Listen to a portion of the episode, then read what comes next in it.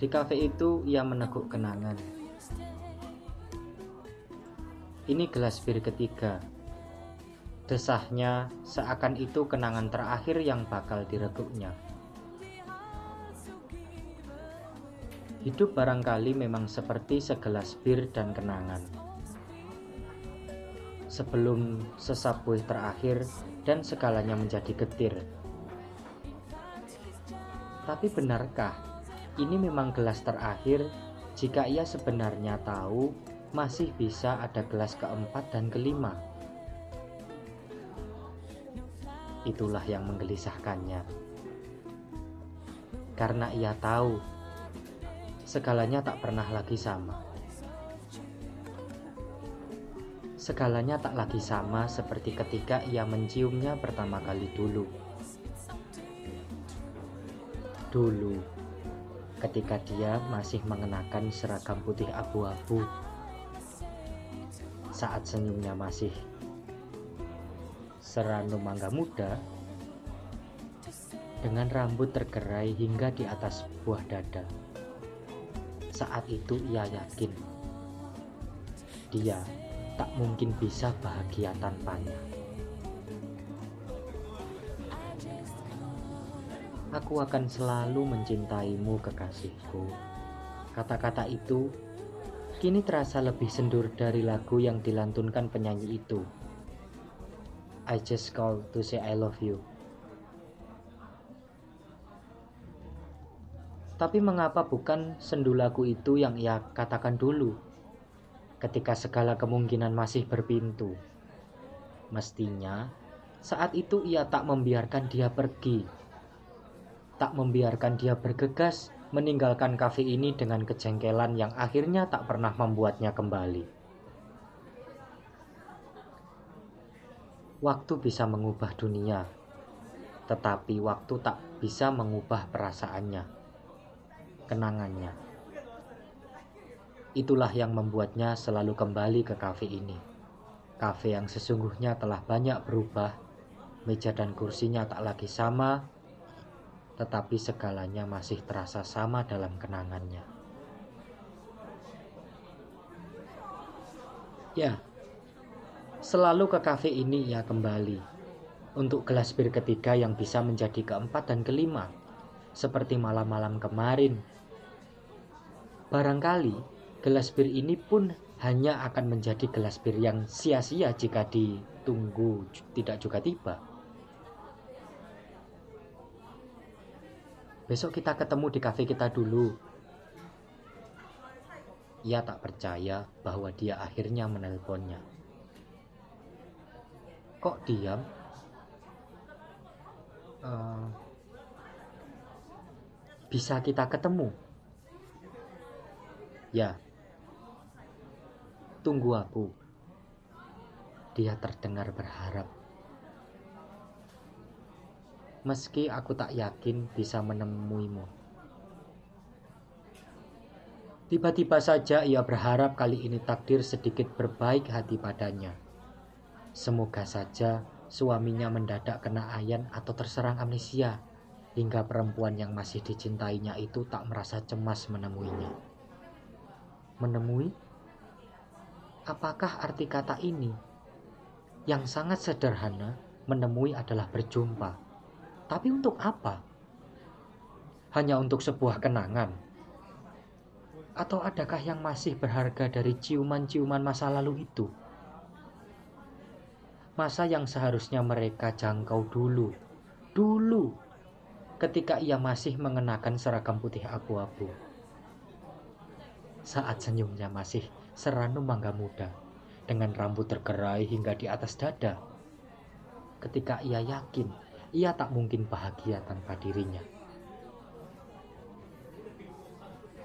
Ah, ia jadi teringat pada percakapan-percakapan itu. Percakapan di antara ciuman-ciuman yang terasa gemetar dan malu-malu.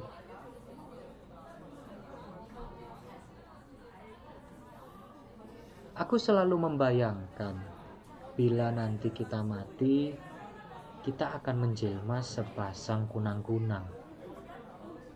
Dia tersenyum, kemudian mencium pelan. tapi aku tak mau mati dulu. Kalau begitu, biar aku yang mati dulu. Dan aku akan menjadi kunang-kunang yang setiap malam akan mendatangi kamarmu.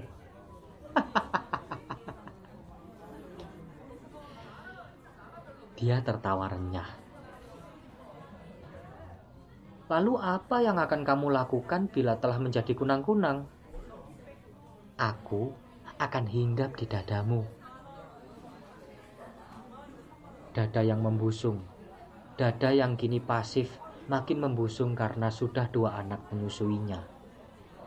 Pun dada yang masih ia rindu, dada yang syarat kenangan, dada yang akan terlihat mengilap ketika seekor kunang-kunang hinggap di atasnya.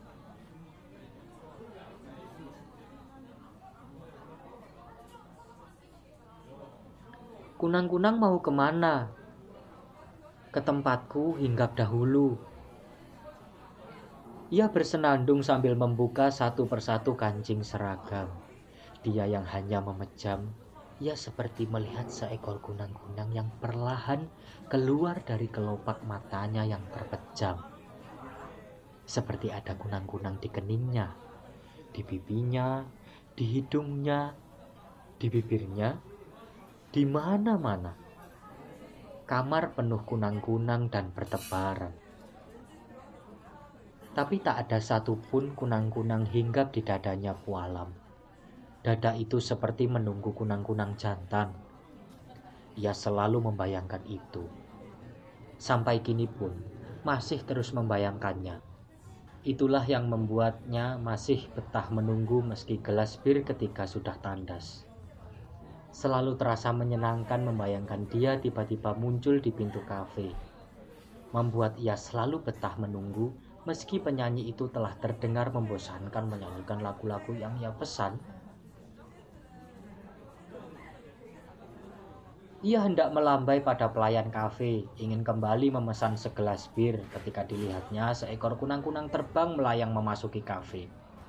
Kemudian, kunang-kunang itu berterbangan di sekitaran panggung. Di sekitar kafe yang ingar-bingar namun terasa murung. Murung menapak geliat lidah pada tiap jeda tubuhnya. Murung mengharap tiap geliat dilihat tubuhnya mengada. Lagi, di sini menjadi nanti. Adakah kunang-kunang itu pertanda? Adakah kunang-kunang itu hanya belaka imajinasinya?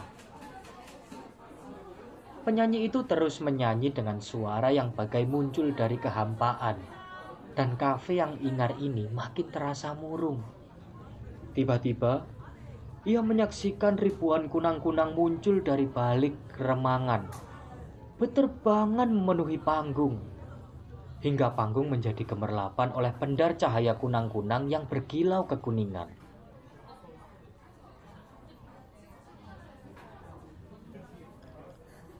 Gelas birnya sudah tidak berbusa, hanya kuning yang diam. Tidak seperti kunang-kunang beterbangan gemerlapan berpendar kekuningan. Kuning di gelas birnya mati, sementara kuning di luar birnya gemerlapan hidup.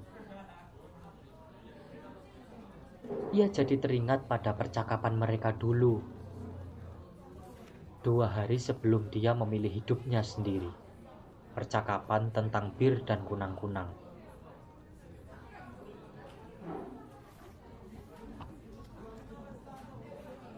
Aku menyukai bir seperti aku menyukai kunang-kunang. Ia berkata setelah ciuman yang panjang. Warna bir selalu mengingatkanku pada cahaya kunang-kunang, dan kunang-kunang selalu mengingatkanku kepadamu. Kenapa? Karena di dalam matamu seperti hidup ribuan kunang-kunang. Aku selalu membayangkan ribuan kunang-kunang itu berhamburan keluar dari matamu setiap kau merindukanku. Tapi aku tak pernah merindukanmu. Dia tersenyum. Bohong. Aku tak pernah membohongimu Kamu yang selalu membohongiku. Ia memandang Nanar, seolah tidak yakin apa yang ia dengar salah atau benar. Ia memandang Nanar, seolah tidak yakin apa yang ia dengar salah atau benar. Bohong baginya adalah dusta yang direncanakan, sementara apa yang ia lakukan dulu adalah pilihan. Dan pilihan hanyalah satu logika yang terpaksa harus diseragamkan oleh banyak orang, olehnya. Tidak, aku tidak bohong. Semakin kau bilang kalau kau tidak bohong, semakin aku tahu kalau kau berbohong. Ia tak menjawab, tapi bergegas menciumnya. Rakus dan gugup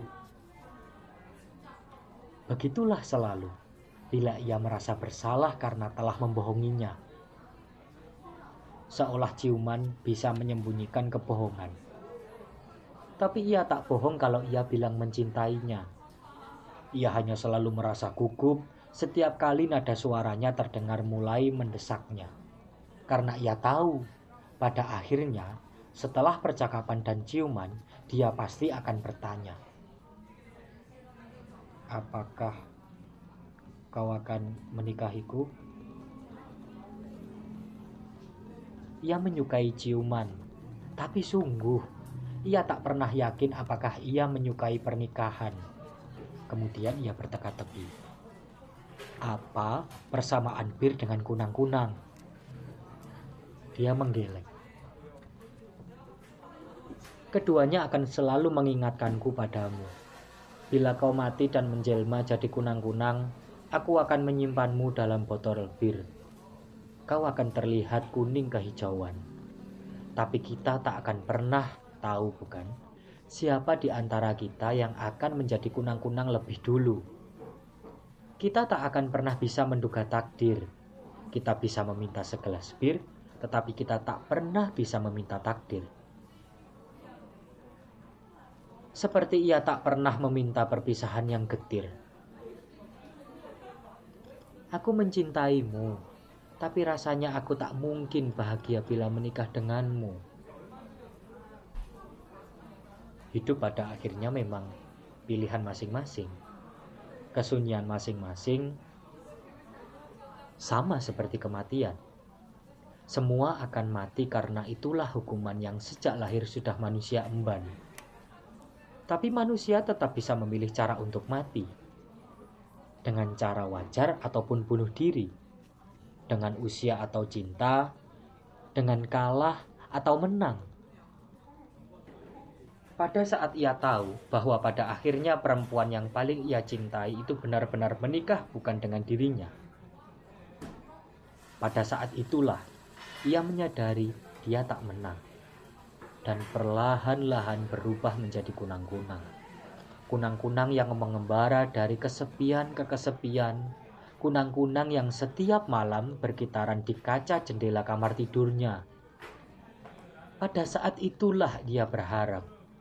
Dia tergerak bangun, memandang ke arah jendela dan mendapati seekor kunang-kunang yang bersikeras menerobos kaca jendela. Dia pasti tahu betapa kunang-kunang itu ingin hinggap di dadanya. Sementara suaminya tertidur pulas di sampingnya.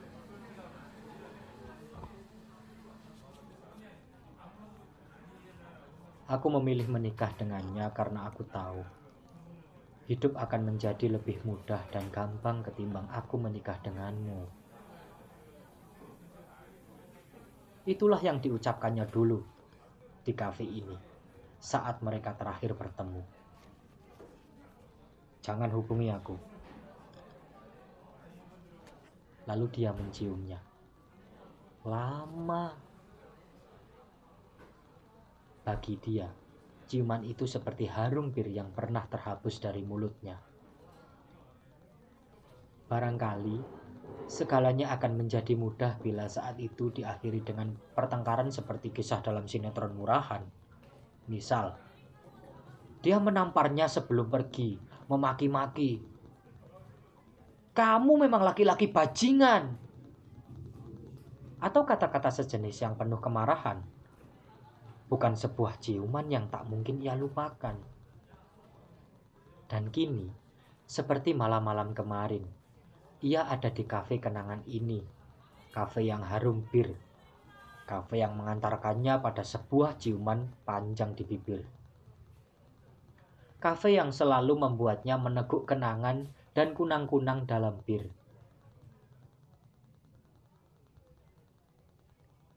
Ini gelas bir ketiga. Desahnya seakan itu kenangan terakhir yang bakal direguknya. Hidup barangkali memang seperti segelas bir dan kenangan. Sebelum sesak buih terakhir dan segalanya menjadi getir. Tapi benarkah ini memang gelas terakhir jika ia sebenarnya tahu masih bisa ada gelas keempat dan kelima? Ini gelas bir keenam dan dia masih menunggu. Ia melirik ke arah penyanyi itu yang masih saja menyanyi dengan suara sendu. Ia melihat pelayan itu sudah setengah ngantuk. Tinggal ia seorang di kafe. Barangkali, bila ia bukan pelanggan yang setiap malam berkunjung, pasti pelayan itu sudah mengusirnya dengan halus. Sudah malam, sudah tak ada lagi waktu buat meneguk kenangan. Pada gelas ke-8 akhirnya ia bangkit. Lalu memanggil pelayan dan membayar harga delapan gelas kenangan yang sudah direguknya habis. Ya, malam pun hampir habis. Sudah tak ada waktu lagi buat kenangan. Sudah tak ada kenangan dalam gelas bir ke-8. Setiap kenangan pada akhirnya punya akhir, bukan? Inilah terakhir kali aku ke kafe ini. Batinya. Besok Aku tak akan kembali. Kemudian ia beranjak pergi. Malam makin mengendap. Tamu terakhir sudah pergi. Diam dan setengah mengantuk, para pelayan kafe membereskan kursi. Bartender merapikan gelas-gelas yang bergelantungan. Sebentar lagi, penjaga malam akan menutup pintu